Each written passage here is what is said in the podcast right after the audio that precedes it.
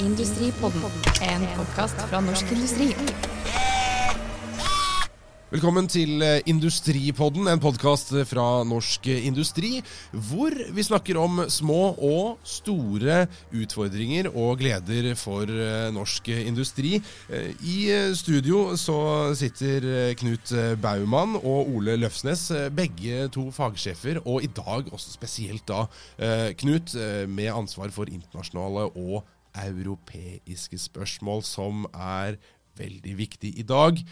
Brexit skal eh, det snakkes om. Jeg heter Nils Johan Halvorsen, og Storbritannia er hvor, Knut? Hvor? Ja, altså så, så, Rent sånn sånn ge ge geografisk Ja. så, så har jeg sånn eh, noenlunde koll. Jeg har retningssans som en gjennomsnittlig skiftenøkkel, men, men akkurat der har jeg grei koll. Men, men hva skjer nå, da? Ja, det er et fryktelig godt spørsmål.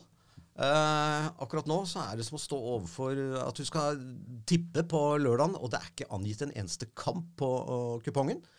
For eh, nå er det så mange ideer og forslag som svirrer. Og alt sammen har blitt stemt opp og ned, men ingenting har fått flertall. Så du er ikke den eneste som lurer på hva som skjer. Nei, for det er vel sånn basically alle, til og med de som sitter i Westminister og prøver å finne ut et eller annet, lurer på hva som skjer. Ja, De virker som de mest forvirrede av alle. Og det rimer ikke så veldig godt med slagordet 'take back control', som uh, egentlig var det utslagsgivende begrepet de brukte for å få gjennom brexit, vil jeg tro. ja. Take back control, ja. Det, lykke til med det, uh, får vi bare si. Men for å sette dette her litt i en eller annen kontekst som er mulig å skjønne etter alle avstemninger og kranglinger og Theresa May og gudene vet Boris Johnson osv. osv. Storbritannia for Norge er hva? Handelsmessig og industrimessig. Storbritannia er eh, et av våre absolutt eh, viktigste markeder. Det er helt klart. Altså, eh, tar vi med olje og gassen vår, så er det det markedet vi selger mest til. Og tar du industriprodukter fra Fastlands-Norge, så er det vårt tredje eller fjerde største marked. Så det betyr fryktelig mye å ha gode relasjoner til dem. Og I tillegg så har vi jo da selvfølgelig samarbeid på massevis av andre områder. eh, Det være seg politikk generelt, eh, industripolitikk, eh, kulturelt føler vi oss nærme dem. I det hele tatt, De har liksom vært en nær samarbeidspartner og alliert i en årrekke. Ole, du har noen tall.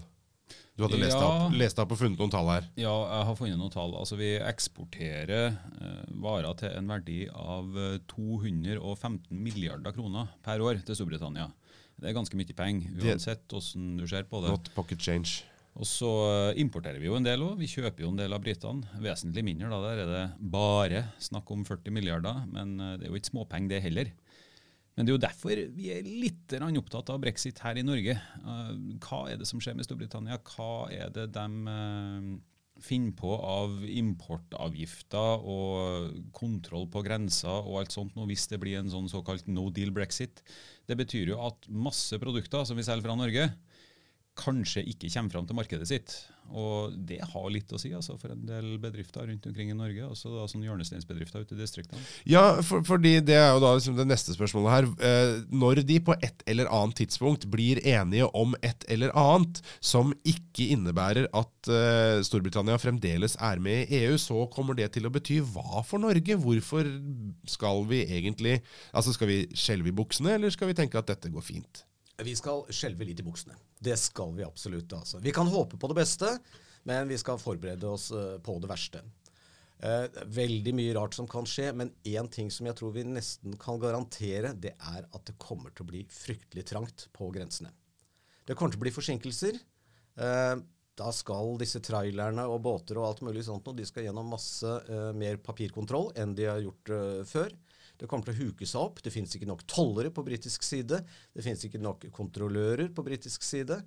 Og så baller det på seg. Bare en enkel forsinkelse på én bil som tar to til tre minutter, kan gjøre at du får en kø som står fra Dover og nesten til London.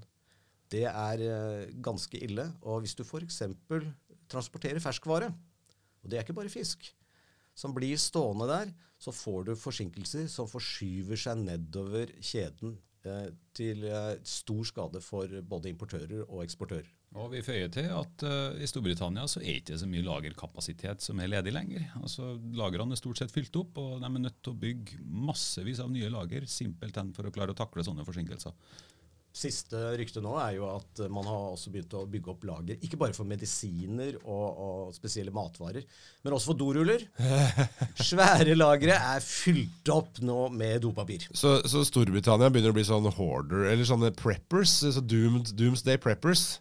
Ja, Vi vil tro at de kjøper veldig mye hermetisk mat i butikken nå for tida, ja. Ja, Men, ja, altså det, men er, det, er vi der? Er vi der at det er på det nivået? Ja, absolutt. Det er, det er veldig mange som har handla medisiner, i hvert fall, som de uh, risikerer å miste hvis de blir hengende fast. Altså hvis medisinene blir hengende fast ved grensa. Altså det, alle departementer i, i, Storbritannia har nå en eller annen krisestab eller kriseplan i tilfelle de skulle ramle ut av EU uten noe som helst avtale.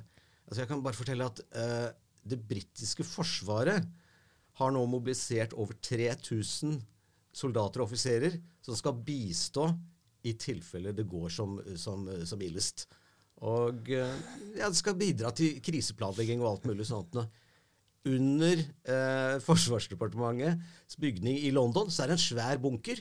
Og der sitter folk og planlegger nå for uh, i tilfelle det blir helt p-shaped. Nedi der hvor uh, Churchill satt uh, i, på 40-tallet. Vegg i vegg med, med, den bunkeren, ja. Der har de et hovedkvarter. Han hadde jo også sine europeiske spørsmål å stri med den gang da. Men ellers så er vel egentlig britene bare enig i hva de ikke vil ha.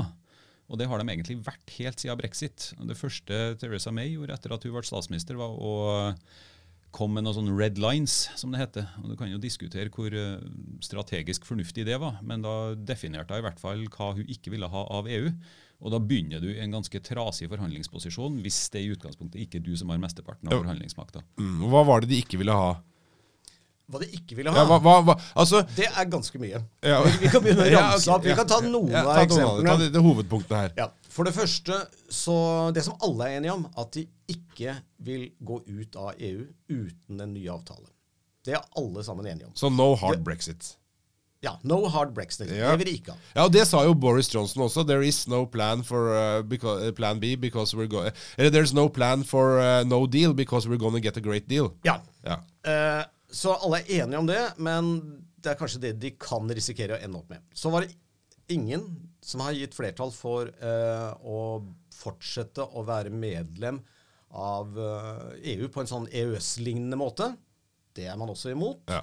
Eh, så har man vært imot tollunion, som Ole nevnte, selv om det er det som kanskje kan bli et resultat. Ja, For det var vel den viktigste kanskje liksom, overhengende grunnen til at man ville ut, var jo nettopp den tollunionen, var det ikke det? Ja, så man ville jo ha Det var tre ting som May definerte som det som man ønsket etter at uh, man hadde sagt ut av EU.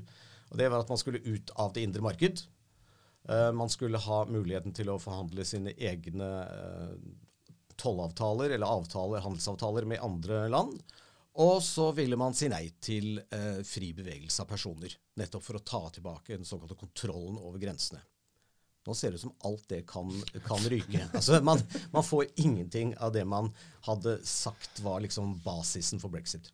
Det er ikke sikkert man får brexit i det hele tatt. Nei, nei, ikke sant. Og, og, og det som jeg syns er utrolig fascinerende, som jeg har lest meg opp på, var jo det at uh, meningsmålingene blant folk eh, Der virker det jo ikke som frontene har flytta seg i det hele tatt. Ja, De har flytta seg litt, men langt mindre enn man kunne tro. Eh, det var vel sånn 48 for å bli 52 for å gå ut av EU i 2016. Nå har de tallene der snudd om på seg. Men en av grunnene til det er jo rett og slett at en god del mennesker har daua. De gamle? De gamle som stemte overveldende for å gå ut av EU. Flere av dem har forlatt denne kloden. Og så har det kommet til nye unge mennesker som kanskje nå ville hatt eh, stemmerett og de er for å bli i EU. Men uh, rule Britannia, mine herrer, og så får vi skåle i en pint og et uh, glass med et eller annet uh, vellagret fra en eller annen øy utenfor kysten av Storbritannia. Ja, gjerne det. Hjertelig. Og ønske britene lykke til. De trenger det. Mm. Good luck, Britain. Industripodden, en podkast fra Norsk Industri. Denne podkasten er produsert av Tid og Lyst.